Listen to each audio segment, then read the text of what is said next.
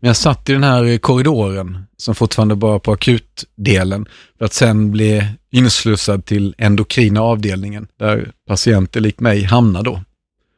Och där någonstans så tog jag första kontakten med, med hemmet och med min hustru och det var väl ett sms som löd, fan, diabetes. Det här är Peter Gide, en av Sveriges mest populära programledare i TV-rutan och en av de cirka 450 000 människor som har diabetes typ 1 eller 2 i Sverige. Och siffran ökar lavinartat. Allt fler drabbas av diabetes, men vi vet väldigt lite. Kunskapen är låg. Och det vill vi ändra på genom den här podden.